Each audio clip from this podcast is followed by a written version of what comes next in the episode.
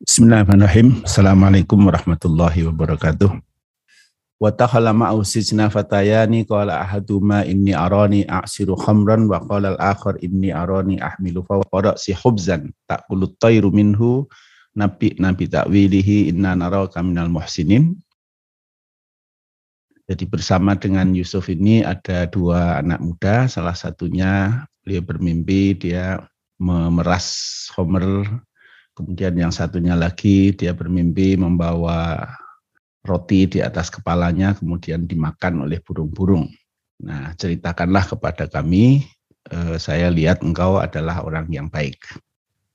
Qala la ya'tikuma ta'amun tarzuqanihi illa naba'tukuma bita'wilihi qabla ayatiyakuma dzalikuma mimma 'allamani rabbi inni taraktu millata qaumin la yu'minuna billah. Ini sudah di ana ya, diterjemah kemarin ya? Iya, Ustaz. Nah, baik, saya langsung baca saja ke topiknya. Dari topik besarnya ini adalah bagaimana Nabi Yusuf itu memanfaatkan keberadaan beliau di penjara itu untuk mendakwahkan kebenaran kepada orang-orang yang bersama beliau di penjara itu. Ba'ta'an ittakhadal aziz wa ahla masyuratihi wa ahlu masyiratihi qararahum bihabsi Yusuf birrahmi min iqtina'ihim bi'iffatihi wa nazahatihi wa paraatihi Zakarallahu ta'ala hunna tanfidahum dhalikal qarar alladhi azamu alaihi min idkhalihi asisna.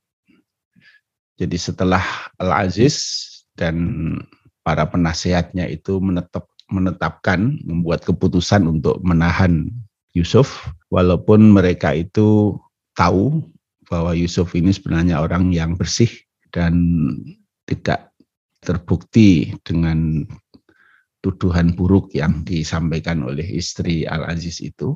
Nah, maka Allah di dalam bagian ayat ini menceritakan tentang bagaimana mereka me melaksanakan keputusan itu. Min idkhalihi asijen yaitu dengan masukkan Yusuf ke dalam penjara. Wa annahum lamma aradu habsahu habasuhu wa habasu ma'ahu isnaini min abidil malik. Wa anna allaha latafa bihim id allamahu ta'birar ru'ya wa kana dhalika tariqan li'inqadhihi minas sijni. Dan mereka ini ketika menahan Yusuf ini, mereka juga menahan dua orang pembantu atau dua orang pegawai dari Al-Malik dan Allah memiliki sifat lemah lembut terhadap mereka ketika mengajarkan kepada Yusuf bagaimana menafsirkan mimpi, mimpi dan itu adalah menjadi jalan nanti untuk beliau bisa bebas dari penjara.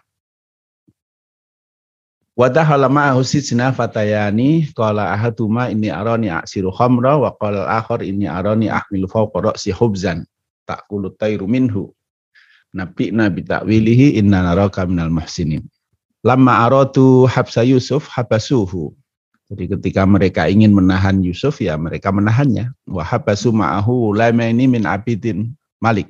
Dan mereka juga menahan dua anak muda dari hamba dari Al-Malik. Ahatuhuma saqihi, yang satu adalah orang yang bertugas memberi minum Al-Malik, wal akhor hubazuhu. Yang kedua adalah tukang rotinya li'annahu rafa'a ilaihi annahuma tamala ala sammihi fi ta'amihi wa syarabihi. Karena dilaporkan bahwasanya keduanya ini sudah bersekutu untuk meracuni e, Al-Malik di dalam makanan maupun minumannya. Walai sadalika musatifatun walakin takdirul azizil alim wa kana Yusuf masyhuran fi asijni bisidkil hadis wa ta'birur ru'ya. Nah ini adalah ketetapan dari Allah SWT Nah, Yusuf di penjara itu dikenal sebagai orang yang omongannya benar dan bisa menafsirkan mimpi. Para ayah ru'yan, maka kedua orang itu pun bermimpi, faqala as-saki, inni ra'aitu fil manami anni aksiru anban, yasiru ba'da idin khomran. Inaban, ya, yasiru ba'da idin khomran. Jadi yang satu orang, ini yang tukang memberi minum raja, ini mengatakan, saya bermimpi, bahwasanya saya memeras anggur, kemudian anggur itu menjadi homer. Waqala al-hubbas, inni ra'aitu anni ahmilu fawqa ra'si khubzan ta'kulu tayru minhu. Orang yang tukang buat roti Dia bermimpi bahwasanya saya membawa roti di atas kepalaku, tapi kemudian di, dimakan oleh burung-burung. Faqala li Yusuf, kemudian keduanya berkata kepada Yusuf, akhbir nabi takwili wa tafsiri maro'aina. Beritahu kami tentang tafsir, penjelasan dan tafsir dari apa yang kami mimpikan itu. Fahal sayuh dasu haqqan ahuwa mujadatu adghasu ahlamin apakah akan betul-betul terjadi ataukah ini hanya mimpi kosong. Inna naraka inna na'lamu annaka minal ladzina yuhsinuna ta'wila ru'ya. Kami melihat kamu orang yang pinter mentakwil mimpi. Ai minal muhsinina fi ilmi ta'bir li'annahu mata'abbara lam yukhti. Jadi kamu itu pinter menafsirkan mimpi karena kalau kamu menafsirkan mimpi itu tidak pernah salah. Kama qala wa 'allamtani min ta'wil al-hadis aw minal muhsinin alladzina yuriduna al-khair wa ihsan dan linnas. Jadi muhsinin ini bisa di ada dua makna di situ, dua tafsir. Yang pertama orang yang baik di dalam kemampuan menafsirkan mimpinya. Nah, yang kedua itu orang yang selalu menginginkan kebaikan orang. Nah, sehingga kedua orang itu percaya kepada Yusuf ini. Qala la ya'ti kuma ta'amun turzaqanihi maka Yusuf berkata, Layakti kuma to'amun turzakonihi illa nabbatu kuma bita'wilihi qabla kuma. Tidak akan ada makanan apa pun yang diberikan kepadamu yang diberikan kepada kamu berdua illa nabbatu kuma bita'wilihi kecuali aku bisa menceritakan kepadamu tentang maknanya qabla ayatiyakuma sebelum makanan itu datang kepada kamu.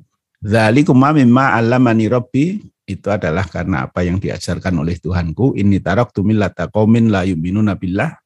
Sesungguhnya aku meninggalkan agama orang-orang yang tidak beriman kepada Allah. Wahum bil akhiratihum kafirun dan mereka ini adalah orang-orang yang kafir terhadap akhirat. Fantahaza Yusuf hadil fursah wa yasiqatu hadain rajulaini bihi wa bi'ilmihi wa ikhlasihi fanda fa'ayatuhuma wa man ma'ahuma fisni ila tauhidillahil khalis. Maka Yusuf pun manfaatkan peluang itu yaitu dengan adanya dua orang yang percaya dengan kemampuan ilmu dan keikhlasannya, maka Yusuf manfaatkan kepercayaan kedua orang ini untuk mendakwahkan tauhid kepada Allah. Watarkul ausan, watarkal ausan dan meninggalkan berhala-berhala. Fakana tuhulu sisnal hikmatin. Sehingga masuknya Yusuf ke dalam penjara ini ada satu hikmah. Wa ma hadali ta'watihi bima yatulu alal mu'jizat ala sidkihi. Faqala lahuma la ya'tikuma ta'amun fi yaumikuma illa akhbartukuma bihi qabla wusulihi ilaikuma. Nah ini sebagai pembuktian terhadap kebenaran pengetahuan Yusuf ya Nah ini dia katakan saya bisa ceritakan makanan apa yang akan diberikan kepada kamu sebelum makanan itu datang kepada kamu. Wahada min ta'limillahi iya biwahyin minhu wa ilhamin. Nah ini karena pemberitahuan Allah dengan wahyu dan ilham. La bikahanatin wala arofatin wa nahwihima minan ulumil bashar. Bukan dengan perdukunan atau dengan pengetahuan-pengetahuan gaib yang sejenis itu ya dari ilmu-ilmu manusia. Wahada yatullu ala anna Yusuf auha ilaihi wa huwa fi sidni liyat wa adu'afa wal fara wal madlumin wal mudnibin. Fahum akrabu ila tasdik bi ta'watihi min ghairihim. Nah, ini artinya bahwa Yusuf wah diberi wahyu untuk mendakwahi para orang-orang lemah, orang-orang fakir, orang-orang yang terdolimi, orang-orang yang berbuat salah ya. Fahum akrabu ila tasdik bi ta'watihi min ghairihim. Nah, orang-orang seperti mereka ini orang-orang lemah, para duafa, para fukara, madlumin ya. Ini orang yang lebih mudah untuk menerima kebenaran. Wasababul wahyi anni istanab tumillatal kafirin billah wal yamil akhir. Wahum al-kan'aniyun wa ghairihim min ah, ahali Falastin wal misriyin alladzina kanu ya'buduna alihatan muta'addidatan. Kenapa Yusuf diberi wahyu itu? Karena nah Yusuf sampaikan ini kepada dua orang ini ya. Karena Yusuf ini menjauhi agama orang-orang yang kufur kepada Allah dan hari akhir. Jadi ini seperti orang-orang Kanan ya dari penduduk Palestina, orang-orang Mesir yang mereka ini menyembah bermacam-macam Tuhan. seperti misalnya menyembah matahari, ya, rock, menyembah anak sapi, abis, kemudian al-faro'inah, orang-orang yang menyembah para raja ya. Fahaula'i la yarjuna sawaban wala iqaban fil ma'ad. Mereka ini tidak percaya kepada pahala dan siksa di hari akhir. Wahum kafirun bil akhirah wal hisab wal jaza' al wasi sahih alladzi ilahi alambiya. Jadi mereka ini tidak percaya kepada akhirat, kepada pembalasan hisab ya, dengan kepercayaan yang benar yang didakwahkan oleh para nabi. Kal kal itikad bi anal fara'inah ya'uduna ilal akhirah bi asamihim al muhannatah wa yakunu lahum fiha al hukm sultan kama kanu fid dunya. Jadi sebagian orang-orang Mesir ini meyakini bahwasanya raja-raja Mesir itu, para Fir'aun itu nanti akan kembali ke akhirat dengan fisik mereka yang sekarang ini di mumi ya, diawetkan. Dan nanti di akhirat mereka juga akan menjadi raja lagi sebagaimana mereka di dunia wa takriru lafdhuhum litakid wa bayani ihtisasihim bil kufri wal mubalaghatihim fi ingkaril mi'ad. Jadi di ayat ini wabil akhiratihum ya di sini ditegaskan dengan hum walahum bil wahum bil akhiratihum dua kali ya. Nah, ini untuk menegaskan tentang berlebih-lebihan mereka di dalam kekufuran itu wattaba'tu millata aba Ibrahim wa Ishaq wa Yaqub maka nalana an nusyrika billahi min syai'in dzalika min fadlillahi alaina wa 'alan nas walakinna aksaran nasi lashkurun wattaba'tu dan aku mengikuti millata aba Ibrahim agama dari bapak-bapakku yaitu Ibrahim wa Ishaq wa Yaqub maka nalana an nusyrika billah tidaklah pantas bagi kita untuk menyekutukan Allah min syai'in dengan sesuatu pun. dari min fadlillahi alaina itu adalah salah satu karunia Allah atas kami wa alan nasi dan juga atas manusia. Walakin aksaran nasi lashkurun tetapi kebanyakan manusia tidak bersyukur. Waqat hajar tu tariqal kufri wasyirki. Saya meninggalkan jalan kekufuran dan kemusyrikan. Wa taraktu millatal kafirin alladzina la yusaddiquna billahi wa la yuqirruna biwahdaniyatihi dan saya tinggalkan agama kekafiran yang tidak membenarkan Allah dan tidak menetapkan tentang ketauhidan Allah. Wa annahu khaliqus samawati wal ard dan tidak menetapkan bahwa Allah lah pencipta langit dan bumi.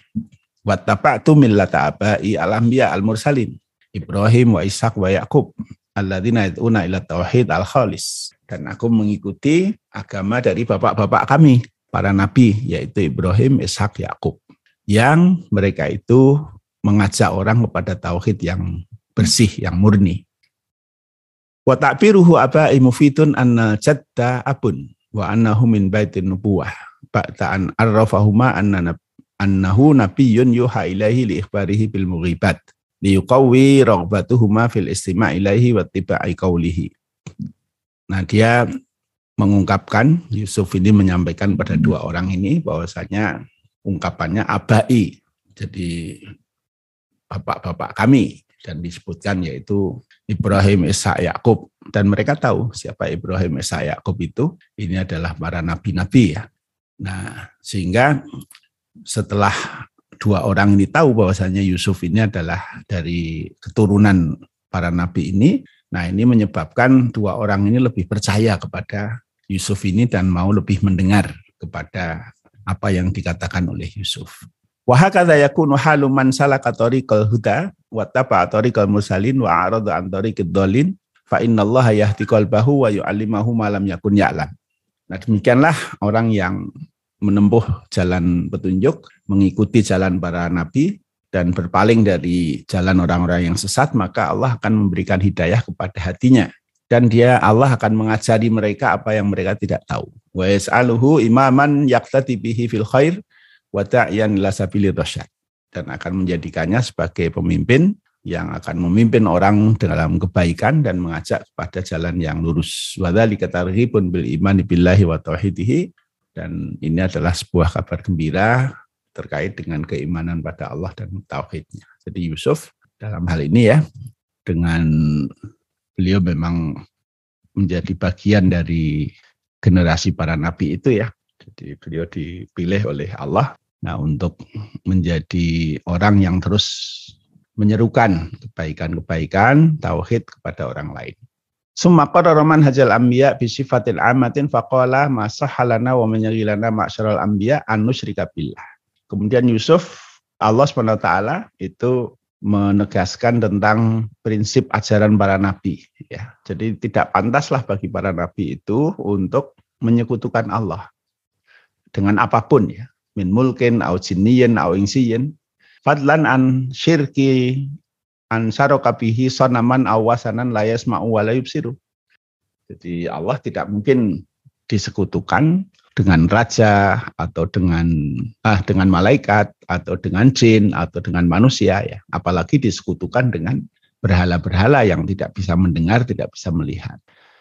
Zalika tauhid wa huwa al-iqraru bi annahu la ilaha illallah wahdahu la syarikalah Nah, itulah tauhid yaitu penegasan bahwasanya tidak ada ilah kecuali Allah satu-satunya, tidak ada sekutu baginya. Nah, huwa min fadlillahi alaina. Nah, tauhid ini adalah karunia Allah bagi para nabi itu ya.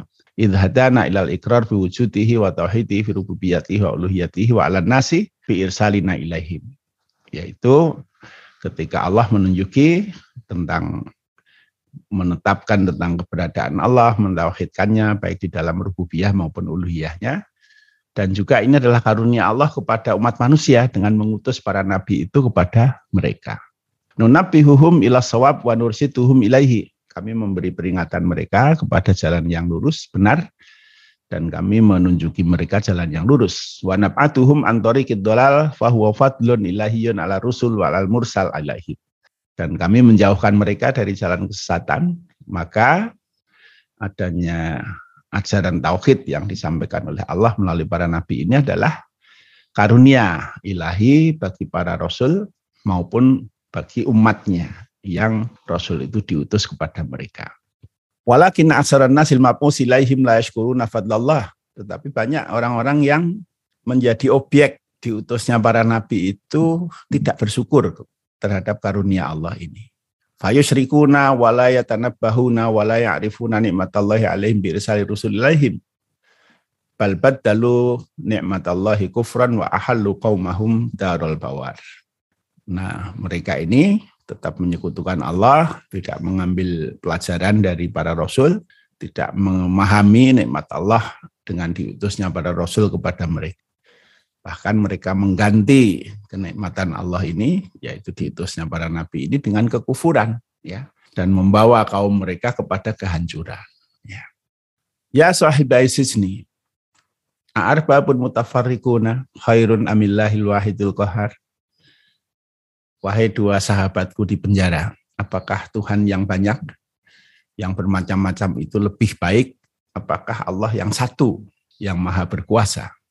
Wa ba'da'an abdullah Yusuf alaihissalam ibadat asyirki wal musyrikin, ibadat asyirki wal musyrikin, wa asbatan nubuwah da'a ila tauhid al-khalis al-qaim al-i'tiraf bi ilahin wahid wa rabbin wahid, la bi alihatin muta'addidatin. Jadi setelah Yusuf alaihissalam itu menegaskan tentang kebatilan dari kemusyrikan dan orang-orang musyrik, dan dia juga sudah menegaskan bahwa dia ini seorang nabi, utusan Allah, maka kemudian beliau mengajak kepada tauhid yang bersih yaitu dengan pengakuan terhadap adanya ilah yang hanya satu, rob yang hanya satu, bukan dengan ilah yang banyak. Wahakadha mabda'ul anbiya yahtimuna ibadat al-wasaniyah awalan summa yuqimunal adilal aqliyah ala wujudillahi wa wahdaniyatihi. Nah, demikianlah ajaran para nabi ya, prinsip para nabi. Jadi mereka ini melakukan kritik terhadap keberhalaan lebih dahulu, kemudian mereka menunjukkan bukti-bukti secara benar terhadap ketauhidan Allah. Yusuf mengatakan arbabun mutafarriquna khairun amillahul wahidul qahar. Nah, apakah Tuhan yang bermacam-macam itu lebih baik ataukah Tuhan yang satu ya. Ma ta'budu min dunihi illa asma'an sammaitumuha antum wa aba'ukum yang kalian sembah selain Allah itu hanyalah sesuatu yang kalian buat-buat sendiri. baik oleh kalian maupun oleh nenek moyang kalian. Asma'an sama itu muha itu membuat nama sendiri, dikasih sifat-sifat sendiri, disembah-sembah sendiri begitu ya. Ma'anzalallahu biha min sultanin Allah tidak pernah menunjukkan bukti kebenaran terhadap hal tersebut. Inil hukmu illa lillah. Sesungguhnya ketetapan itu hanyalah milik Allah. Amaro Allah tak butuhu illa iyahu. Allah hanyalah memerintah untuk kalian tidak menyembah kecuali hanya kepada Allah. Dalikatinul qayyim itulah agama yang lurus walakin aksaron nasi la ya'lamun. Tetapi sebagian besar manusia tidak mengetahui. Ayah sahibai fisisni wahai dua sahabatku di penjara ini hal ta'addudul alihati wa tashaddudul arbabi al mutafarriqina fi dzawati was sifat allati tawilan naza' wa tasaddum wa fasadul kaun khairun lakuma wa li ghairikuma fi talabin naf'i wa daf'id dar wa li'anati fi alamil ghaib. Apakah Tuhan yang bermacam-macam itu? Yang memiliki sifat yang berbeda-beda bahkan saling bertentangan ya. Dan membawa kepada saling kontradiksi serta rusaknya alam itu lebih baik bagi kalian dalam hal mencari kemanfaatan maupun menghindarkan kebendorotan, meminta tolong. Au Allahul wahidul ahad alladzi la yahtaju li ghairihi wa la yunazi'u fi tasarrufi wa tadbirihi Ataukah yang lebih baik itu adalah Allah yang satu yang tidak butuh yang lain, tidak bertentangan di dalam segala tindakannya. Al-Qahharu bi qadratihi wa iradatihi yang maha kuasa. Alladzi dalla kulla syai'in di wa yang segala sesuatu akan tunduk kepada keagungannya. Summa bayyana haqiqata alihatim faqala ma ta'buduna Aitil kal alihah ala tidak butuh naha wa tasammudaha alihatan innama hiya asma'un mujarradatun limusammiyatin wada'uha min tilqa yang fusihim. Laisa laha muqawimatun wala mustanitun min indillahi. Jadi sebenarnya yang kalian sembah itu ya, yang orang-orang banyak sembah ini itu hanyalah sesuatu yang mereka karang-karang sendiri saja. Tidak ada bukti-bukti yang kuat dari Allah. Wa ma anzalallahu bitasmiyatiha arbaban hujjatan wala burhanan. Tidak ada bukti sama sekali ketika mereka menyebut mereka ini sebagai Tuhan-Tuhan dengan berbagai argumen maupun bukti. Hatta tasihu ibadataha wa yuti'uha annas. Sehingga menjadi sah, menjadi wajar ya ketika orang menyembah dan beribadah kepadanya. Innaha tasmiyatun la dalila alaiha min aklin wala naqlin samawiyin secara akal juga nggak ada buktinya, secara wahyu juga tidak ada gitu. Jadi ini kritik Nabi Yusuf terhadap keyakinan dari banyak orang di luar penjara ya, baik orang-orang Kanan maupun orang-orang Mesir. Nah, ini yang mereka itu menyembah berbagai jenis Tuhan ya. Summa ahbarahum anal hukma wa tasarruf wal masyiah wal mulka kulluhu lillah. Kemudian Nabi Yusuf memberitahu mereka bahwa penetapan hukum serta pengaturan segala sesuatu, kekuasaan itu seluruhnya hanyalah milik Allah. Waqat amara ibadahu qatibatan alla ya'budu illa iyahu dan sungguh Allah telah merintah seluruh hambanya untuk tidak menyembah kecuali hanya kepadanya.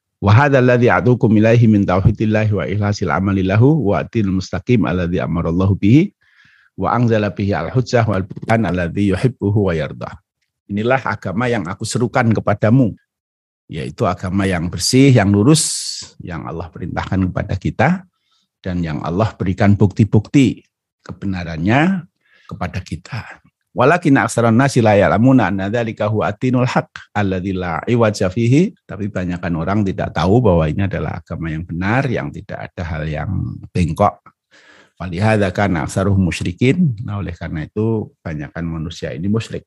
Kama qala ta'ala wa maksarun nasi walau harus tapi mukminin. Surat Yusuf ayat 103. Sebagaimana Allah berfirman, jadi banyakkan orang itu akan tidak mau beriman walaupun engkau berusaha untuk sungguh-sungguh. Jadi ini memang sepertinya dari dulu juga begitu ya. Jadi sunatullahnya itu mayoritas orang itu akan tidak beriman. Nah, yang beriman itu ya sedikit ya.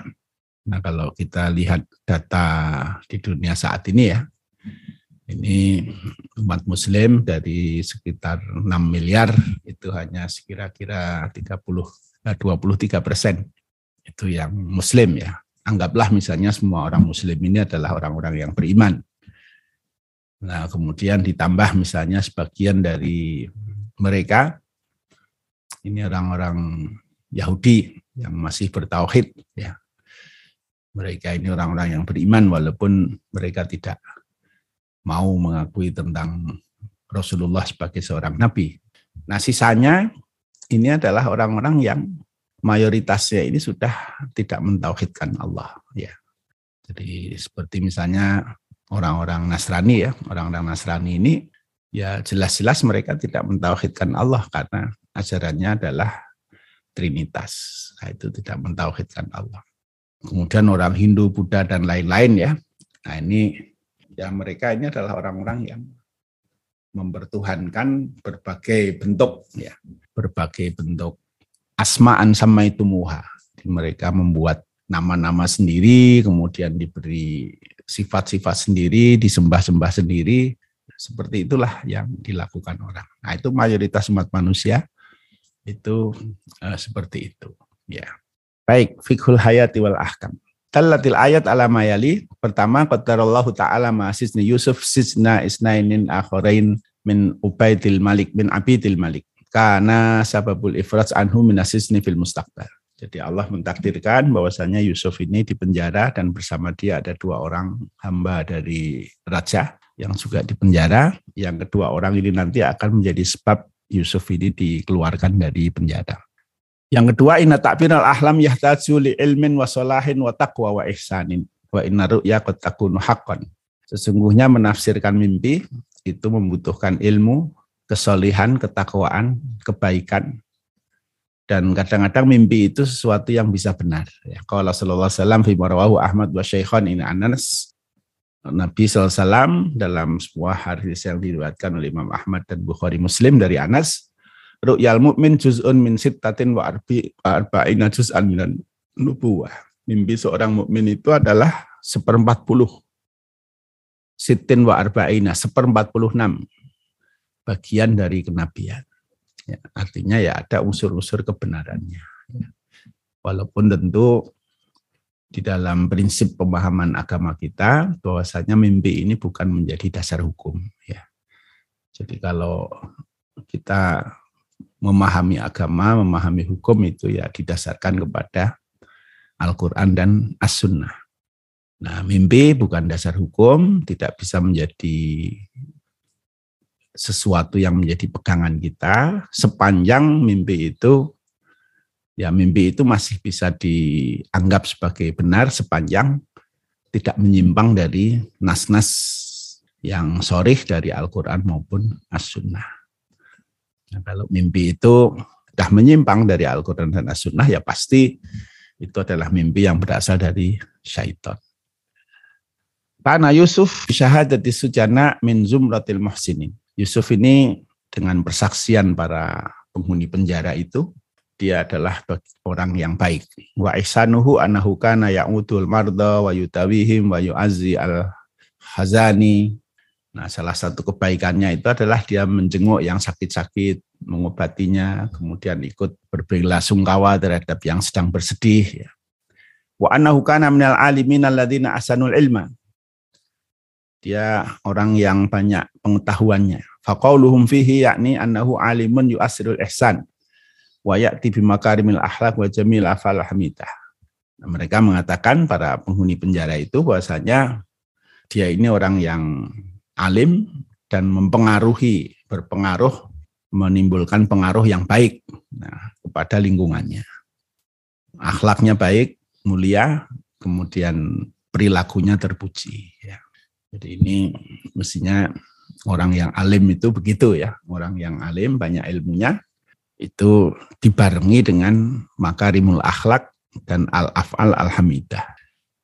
Nah, itu baru dia akan berpengaruh positif kepada orang-orang di sekitarnya. Tapi kalau orang banyak ilmunya tetapi akhlaknya tidak terpuji, perilaku-perilakunya tercela, walaupun dia banyak ilmunya, dia tidak akan membawa pengaruh positif kepada lingkungan di sekitarnya. A'lana Yusuf lisailina lisailaini alladaini sa'alahu an tafsir ru'ya fil madam. Yusuf menjawab kepada dua orang yang bertanya tentang mimpinya itu, annahu kana yukhbiruhuma an nau'i ta'am wa sifatihi alladhi ya'tiyahuma min sihatil malik aw ghairihi qabla al-ityani bihi biwahyin min Allah azza wa jalla. La takahunan wa tanat wa tansiman wa huwa ikhbarun bil ghaib talun ala nubuwatihi wa mu'jizatihi musabbatatun li risalatihi. Jadi Yusuf memberitahu kepada dua orang di penjara ini saya bisa memberitahu kamu makanan apa yang nanti akan diberikan kepadamu sebelum makanan itu datang. Nah ini sebenarnya adalah pernyataan Yusuf dan itu selalu benar ya. Bahwa beliau ini mengetahui hal-hal seperti itu karena wahyu dari Allah. Dan ini sebagai penegasan terhadap kenabian beliau dan sebagai mukjizat yang beliau tunjukkan kepada dua orang ini terhadap kerasulan beliau. Nah karena itu ketika setelah orang dua orang ini diyakinkan tentang kenabiannya, tentang kebenaran apa yang dia sampaikan ya, kemudian baru diajarkan, ini loh kami ini meninggalkan kemusyrikan, kami ini hanya mengakui adanya Allah yang satu, mentauhidkan Allah dalam kehidupan ini begitu. An-Nabiyul Mukallaf fi ta'wah yantahizu kullal furs al-munasabah lil qiyam biwajibihi. Para nabi yang ditugasi untuk berdakwah selalu mencari kesempatan yang sesuai untuk bisa menjalankan tugasnya ini. Wa hadza ma fa'alahu Yusuf alaihissalam fa innahu ta'ala muharabati syirki wal wasaniyah wa ibtal ibadal musyrikin wa ila tauhidillah ta'ala mutabbi'an millata ajdadihi wa abahi alambiya Ibrahim wa Ishaq wa Yaqub. Li'annahum anbiya'un alal haq. Nah, contohnya misalnya Yusuf ini ya. Jadi dia mengajak untuk memerangi kemusyrikan, keberhalaan, menyatakan kebatilan, kesalahan dari ibadahnya orang-orang musyrik dan mengajak mereka untuk mentauhidkan Allah.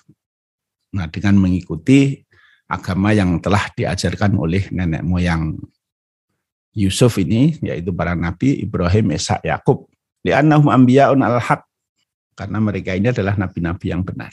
Wa fa'idatu dzikri haula ilambiya annahu alaihi salam lamma idda'a nubuwah tahadda bil mu'jizah wa huwa ilmul ghaib qarana bihi kaunuhu min ahli baitin nubuwah. Jadi dia menyebut-nyebut tentang ayahnya, kakeknya, buyutnya ya. Nah, ini adalah untuk menguatkan keyakinan dari orang yang dia beritahu itu bahwa dia ini memang dari keluarga nabi gitu. Nah, sehingga pantas kalau dia pun menjadi nabi. Walaysa min sya'nil anbiya al-isyraku billahi ayan kana na'usyirki. Dan para nabi tidak mungkin mereka berperilaku musyrik dengan jenis kemusyrikan seperti apa pun. Wahada min fadlillahi ala rasul mimma yushiru ila ismatihi minan zina wal mursali ilaihim hum al mu'minuna alladhina asamahumullah minasyirki. Nah, adanya kenabian ini adalah karunia Allah bagi para utusan itu sendiri dan juga bagi umat di mana Rasul itu diutus, yaitu orang-orang yang beriman kepada para Rasul ini, yang diselamatkan oleh para Rasul ini dari kemusyrikan. Wa qauluhu min syai'in, jadi di dalam ayat ini ada ungkapan tadi ya, bentuk keserikan seperti apa pun ya. Ratun ala kulli asnafi syirki, ka ibadatil asnam wa ibadatil nar wa ibadatil kawakib wa ibadatil tabi'ah wa irsatin ila tinil haq wa huwa annahu la mujida illallah wa la khaliqa illallah wa la raziqa illallah. Jadi penegasan dengan kemusyrikan terhadap segala sesuatu itu artinya penolakan terhadap segala jenis kesyirikan. Seperti penyembahan berhala, penyembahan api, penyembahan bintang-bintang, penyembahan alam. Ya. Dan memberitahu kepada agama yang benar, yaitu bahwasanya tidak ada yang menciptakan segala sesuatu kecuali Allah, tidak ada yang memberi rezeki kecuali Allah. Walakin aksarun nasi la syukuruna ala nikmatil iman wa tauhid. Tapi banyakkan orang tidak bersyukur terhadap kenikmatan iman dan tauhid ini. Jadi mereka tidak mau menerimanya. Wa qauluhu min fadlillahi yatullu ala anna atamil isyrak wa husulil iman minallahi ta'ala. Nah firman Allah min fadlillah itu menunjukkan bahwasanya adanya orang jauh dari kemusyrikan dan orang beriman itu betul-betul karunia dari Allah SWT. Nafi Yusuf bidalil akli wan nakli ta'addudal alihati wa asbat tasihatal qalbi wa wa rububiyatihi. Ayat ini juga menunjukkan tentang bagaimana Yusuf memberikan bukti-bukti secara akal maupun nakal tentang kebatilan adanya keyakinan eh, politeisme dan menegaskan tentang kebenaran monoteisme tauhid. Innal alihal maz'umah minal asnam wal ausan wa ghairiha asma'un mukhtari'atun min indinas anfusihim. Berbagai jenis Tuhan yang mereka sembah-sembah dari berhala-berhala maupun yang lain-lain itu hanyalah nama-nama yang dibuat-buat sendiri oleh manusia itu. Laisalaha minal uluhiyati syai'un ilal isma li'annaha jamadat wa amma musammiyatuha falaisat laha haqiqatun maudu'iyatun wa yarfaduha aqluan nakal kalaulah mereka disebut sebagai Tuhan-Tuhan itu ya itu hanyalah nama saja, asmaan sama itu buha. Karena mereka ini benda-benda yang yang tidak bisa apa-apa ya. Nah, secara objektif sebenarnya tidak bisa mereka ini disebut sebagai Tuhan. Secara akal maupun nakal itu pasti akan tertolak, tidak masuk akal ya. Tidak make sense istilahnya sekarang.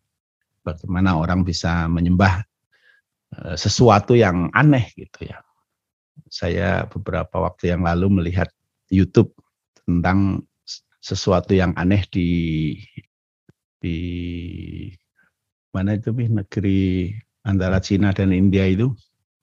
Jadi mereka itu percaya kepada dewa perempuan ya, dewi siapa gitu sebagai Tuhan tertingginya. Tetapi dewinya itu dia akan mewujud dalam bentuk manusia. Nah, karena itu selalu mereka akan mencari bayi anak perempuan ya yang dianggap paling sempurna, tidak punya cacat, tidak punya apa gitu di festivalkan, diseleksi, ada tim seleksinya. Kemudian nanti akan dipilih. Nah, anak perempuan inilah akan diperlakukan sebagai perwujudan dewi di negeri ini. Apa itu nama negaranya ya yang Nepal di Nepal. Himalaya Pak Nepal. Oh, ya. Nepal Nepal ya. Nah, nanti Bapak Ibu bisa lihat YouTube-nya aneh itu. Nah, kemudian Dewi ini ya akan diberi istana khusus kemudian didatangi orang disembah-sembah termasuk Raja Nepal datang ke situ kalau akan buat keputusan dia meminta e, restu datang ke situ ya dengan penyembahan-penyembahan ya aneh anak kecil gitu ya didandani kayak menurut persepsi mereka sebagai dewi itu. Kemudian di mereka tinggal di situ. Nah, dan orang-orang rame datang bawa sesaji, datang bawa macam-macam gitu. Dia diperlakukan seperti Tuhan ya. Begitu dianggap sebagai penjelmaan dari Tuhan mereka itu. Nah, cuman nanti kalau anak ini luka sampai keluar darah dari badannya, maka sifat ketuhanannya berhenti. Nah, apakah itu karena luka atau karena menstruasi? Kalau sudah menstruasi keluar darah, maka dia sudah hilang sifat ketuhanannya. Nah, sehingga nanti akan dilakukan festival baru lagi untuk memilih Tuhan baru. Nah, yang bekas Tuhan ini, ya dia akan dilepas saja begitu, keluar saja tanpa ada perlakuan-perlakuan istimewa lagi padahal dia dari kecil mungkin umur dua tahun umur satu setengah tahun diperlakukan dengan sangat istimewa sampai masa dia remaja menstruasi tiba-tiba dia kehilangan posisi jadi Tuhan itu. Dan ini kemudian muncul ada wawancara juga terhadap bekas-bekas Tuhan ini ya bagaimana mereka kesulitan untuk bersosialisasi setelah lama menjadi Tuhan itu Nah ini aneh sekali. Itu ada yang sampai hari ini terjadi orang kayak begitu. Hanya asmaan sama itu moha. Ya, jadi mereka membuat sesuatu yang aneh-aneh, diyakini sendiri, dibuat sendiri, kemudian di, dilakukan hal-hal yang tidak masuk akal ya. Tapi mereka lakukan itu dan itu masih terjadi dalam dunia kita seperti sekarang. Nah ini asmaan sama itu moha. Bapak Ibu bisa cari YouTube-nya atau nanti kapan-kapan saya kirim linknya. 8 la hukma illa lillah li'annahu khaliqul kul fa huwa al-mustaqil al-ibadah wahdahu la syarikalah lidza amara Allah yu'badu siwahu. Tidak ada hukum kecuali hanya milik Allah karena dialah yang menciptakan segala sesuatu dialah yang berhak untuk disembah satu-satunya.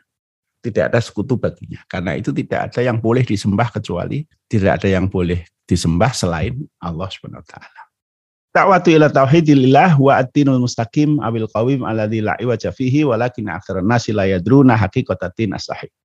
Jadi tauhid inilah agama yang sempurna, yang murni, yang betul, tidak ada hal yang bengkok dengan prinsip ini, tetapi banyakkan manusia tidak mengerti. Aurat ar-razi khamsah hujajin ala butlani ta'adudil aliyah wa hiya bi ijazin wa tasarrufi mayati. Nah, ar-razi itu mengemukakan lima alasan kebatilan adanya Tuhan-Tuhan, keyakinan Tuhan-Tuhan lain selain Allah ya. Ini ada lima poin di sini. Ini sudah jam 6.50. Pertama, anna kasratul alihah tujibu al khalal wa fasad fi hadal alam. Jadi Tuhan yang banyak itu pasti akan menimbulkan kekacauan di dunia ini. Nah inilah yang Allah firmankan laukana fihi ma'alihatun ilallah la fasadata bumi dan langit itu pasti akan rusak kalau ada Tuhan-Tuhan lain selain Allah. Yang kedua, anna hadil asnam wa nahwiha minal bashar wal kawakib ma'mulatun la amilata wa makhuratun la kohirata. Jadi benda-benda yang bertuhan ini seperti berala-berala, bintang-bintang ini sesuatu yang menjadi objek, bukan subjek. Dia sesuatu yang diatur, bukan yang mengatur. Yang ketiga, anna kaunu ta'ala wahidun yujibu ibadatahu li annahu law kana lahu sanin lam na'lam min alladhi khalaqna wa razaqna wa tafsyurur wal afatu anna fayaqau syak fi anna na'budu hadza amdaka jadi Tuhan yang satu inilah yang sebenarnya mudahkan kita untuk memahami tentang kewajiban kita hanya beribadah kepada Allah yang satu itu. Memohon perlindungan, meminta sesuatu kepada dia. Kalau ada dua, orang bisa bingung nih. Ini kalau meminta kepada yang ini apa yang ini gitu. Wahada dalil ala fasadil qaul bi ibadatil ausan li annaha ala fardhi kauniha nafi'atan dawaratan la na'lamu husulan naf'i wa taf'idarar min hadha sanam au min dhalika au ta'awun wal ishtirak fala ya'riful mustahiq lil ibadah wa hadha am. Nah, ini juga menunjukkan kalau ada banyak Tuhan, banyak berhala. Nah, ini juga uh, menjadi tidak jelas siapa yang sebenarnya bisa memberi manfaat, siapa yang bisa menolak madorot. Nah, apakah mereka sendiri-sendiri, si fulan merusak sesuatu, si fulan yang lain itu memberi manfaat. Nah, terus kalau minta harus kepada siapa, nah dan lain-lain. Lau faradu anna hadil asnam tanfa'u wa tadurru ala ma yaz'amu ashabut talasim fa inna dzalika fi waqtin mahsusin wa waqi'atin mahsusatin walillahu ta'ala qadirun la jami'il makdurat fi kullil awqat fakana istighalu bi ibadatihi aula. Nah, kalau berhala-berhala ini dianggap bisa memberi waktu, manfaat atau menolak madorot pada waktu-waktu tertentu ya. Dewa ini itu pada hari ini, dewa ini harinya ini, dewa ini harinya ini, dewa ini harinya ini. Masing-masing punya jadwal begitu ya. Nah maka ya Allah yang satu yang berkuasa di setiap waktu itu jauh lebih tepat untuk disembah. Al-khamisah inna itisaf alillah bisifatil qahar yaqtadi alla yakhuruhu ahadun siwahu wa yakuna huwa qaharul kul masiwahu. Wa hadha yaqtadi ayakuna lillahu wajibul wujud lidatihi idlau kana mumkinan lakana makhuran la qahira wa yajibu ayakuna wahidan la muta'addidan. Idh lau ta'addada lamma kana qahiran likulli masiwahu. Jadi sifat Allah yang al-qahar, yang maha berkuasa terhadap segala sesuatu itu memastikan bahwasanya Allah ini ya satu. Karena kalau Allah itu lebih dari satu berarti ada yang lain yang bisa memaksa atau mungkin yang lain ini akan menjadi dipaksa oleh yang lain lagi gitu ya. Nah, karena itu mestinya Al-Qahar ini ya satu saja yang mengatur segala bintang, cahaya, gelap, terang, seluruh perilaku alam dan lain-lain ya. Nah, ini beberapa argumen lah ya. Walaupun sebenarnya yang begini-begini tidak terlalu penting karena manusia itu sebenarnya sudah secara fitrahnya itu sudah gampang sekali untuk mengatakan aneh kalau ada Tuhan yang bermacam-macam itu. Nah, karena itu kita lihat ya dalam banyak kasus orang-orang yang meninggalkan agama mereka kemudian kembali kepada Islam itu salah satu sebab pentingnya adalah mereka tidak percaya dengan Tuhan yang bermacam-macam. Termasuk dari kalangan Nasrani, mereka sangat tidak paham tentang konsep trinitas itu. Ada Tuhan satu yang tiga, tiga yang satu. Ini apa maknanya? Dan tidak pernah ada penjelasan yang benar. Dan memang tidak benar. ya Karena itu tidak pernah akan ada penjelasan yang benar. Nah, ini jadi fitrah manusia itu bertauhid. Jadi tidak perlu banyak alasan, sebenarnya orang gampang sekali untuk lebih mudah menerima bahwa Tuhan itu satu daripada Tuhan yang bermacam-macam. Yang sebelas, yustasanu lil alam idza istaftahu ahadun lil alim idza istaftahu ahadun al juhal wa fusak ayyuqatima al hidayah wal irsyad wal mau'idah wa nasihah awalan wa yud'uhi lama huwa ala bihi wa aujaba alaihi ma istafta fihi summa yuftihi ba'da dzalika. Nah, ini salah satu dari metode dakwah yang dipraktekkan oleh Nabi Yusuf itu ya.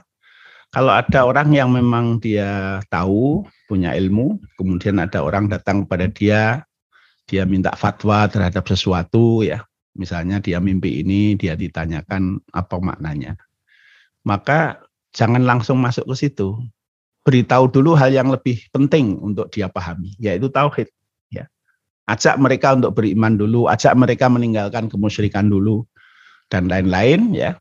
Nah, sehingga yang pokok-pokok dari prinsip di dalam kehidupan kita ini benar dulu baginya, baru kemudian diberitahu hal-hal yang dia tanyakan itu. Jangan orang datang menanyakan hal yang kecil-kecil, remeh-temeh ya. E, orang malah sibuk dengan itu, sementara yang pokok-pokok tentang tauhidnya, tentang kemusyrikannya tidak disinggung sama sekali. Nah, tidak begitu ya. Kalau orang datang kepada Anda meminta satu menyampaikan pertanyaan yang ya mungkin perlu dijawab tapi beritahu dulu hal yang lebih penting untuk dia pahami. Idza jahil tamangzilat al alim fa wasafa nafsahu bima huwa mulaimul mas'alah fakana wa kana gharduhu ayyak tabisa minhu wa yantafi abihi bitin lam yakun dzalika min badi tazkiyati nafsil manhi anha fala tuzakku anfusakum. Jika kamu tidak tahu kondisi seseorang ya, apakah dia itu memang tahu betul atau tidak. Maka ya jangan gampang-gampang kita itu percaya kepada orang-orang yang seperti itu ya. Nah, kita juga kalau memang kita tidak tahu juga jangan uh, sok tahu ya. Seolah-olah kita ini bisa menjawab segala hal. Nah, mestinya ya kalau memang kita tidak tahu ya kita jawab saja tidak tahu. Jadi jangan untuk disebut sebagai orang yang banyak ilmu, disebut sebagai orang yang banyak tahu, kemudian semua pertanyaan orang dijawab gitu. Pernah ada istilah itu ulama khonfasariun, ya, ulama khonfasariun. Jadi ada kisah ini, tapi kisah ini hanya kisah untuk tangkapan saya ya, kisah untuk mengkritik eh, orang-orang sok tahu itu yang yang seolah-olah tahu segala hal. Ya. Jadi ada seseorang yang merasa sok tahu dengan segala hal itu. Satu saat ada orang datang, dia datang pada orang itu, dia ngawur saja bertanya, wahai syekh, apakah yang dimaksud dengan khonfasar? Khonfasar. Orang ini ngawur aja ngomongnya, khonfasar. Khonfasar itu apa? Ya, memang tidak ada, wong dia ngawur aja. Nah, tapi syekh ini menjawab, dia menjelaskan honfasar itu adalah nama sebuah tanaman yang hidup di daerah begini begini begini sifatnya begini begini begini dan seterusnya. Nah, padahal orang ini ngawur ya, orang ini ngawur. Nah, sehingga dia senyum-senyum aja dia pergi, dia mengatakan ini honfasari. Alim honfasari. Ya. Jadi orang yang sok tahu ya sebenarnya ya, siapa pun tidak akan tahu kalau ditanya sesuatu yang tidak ada memang tapi karena dia tidak mau disebut tidak tahu dia jawab juga hal yang sebenarnya ngawur juga gitu nah naudzubillah min dalik ya. Jauhkan Allah kita dari hal-hal yang seperti itu. Naudzubillah min dalik baik Bapak Ibu saya kira sekian dulu pagi hari ini. Sudah jam 7 Bila itu Assalamualaikum warahmatullahi wabarakatuh.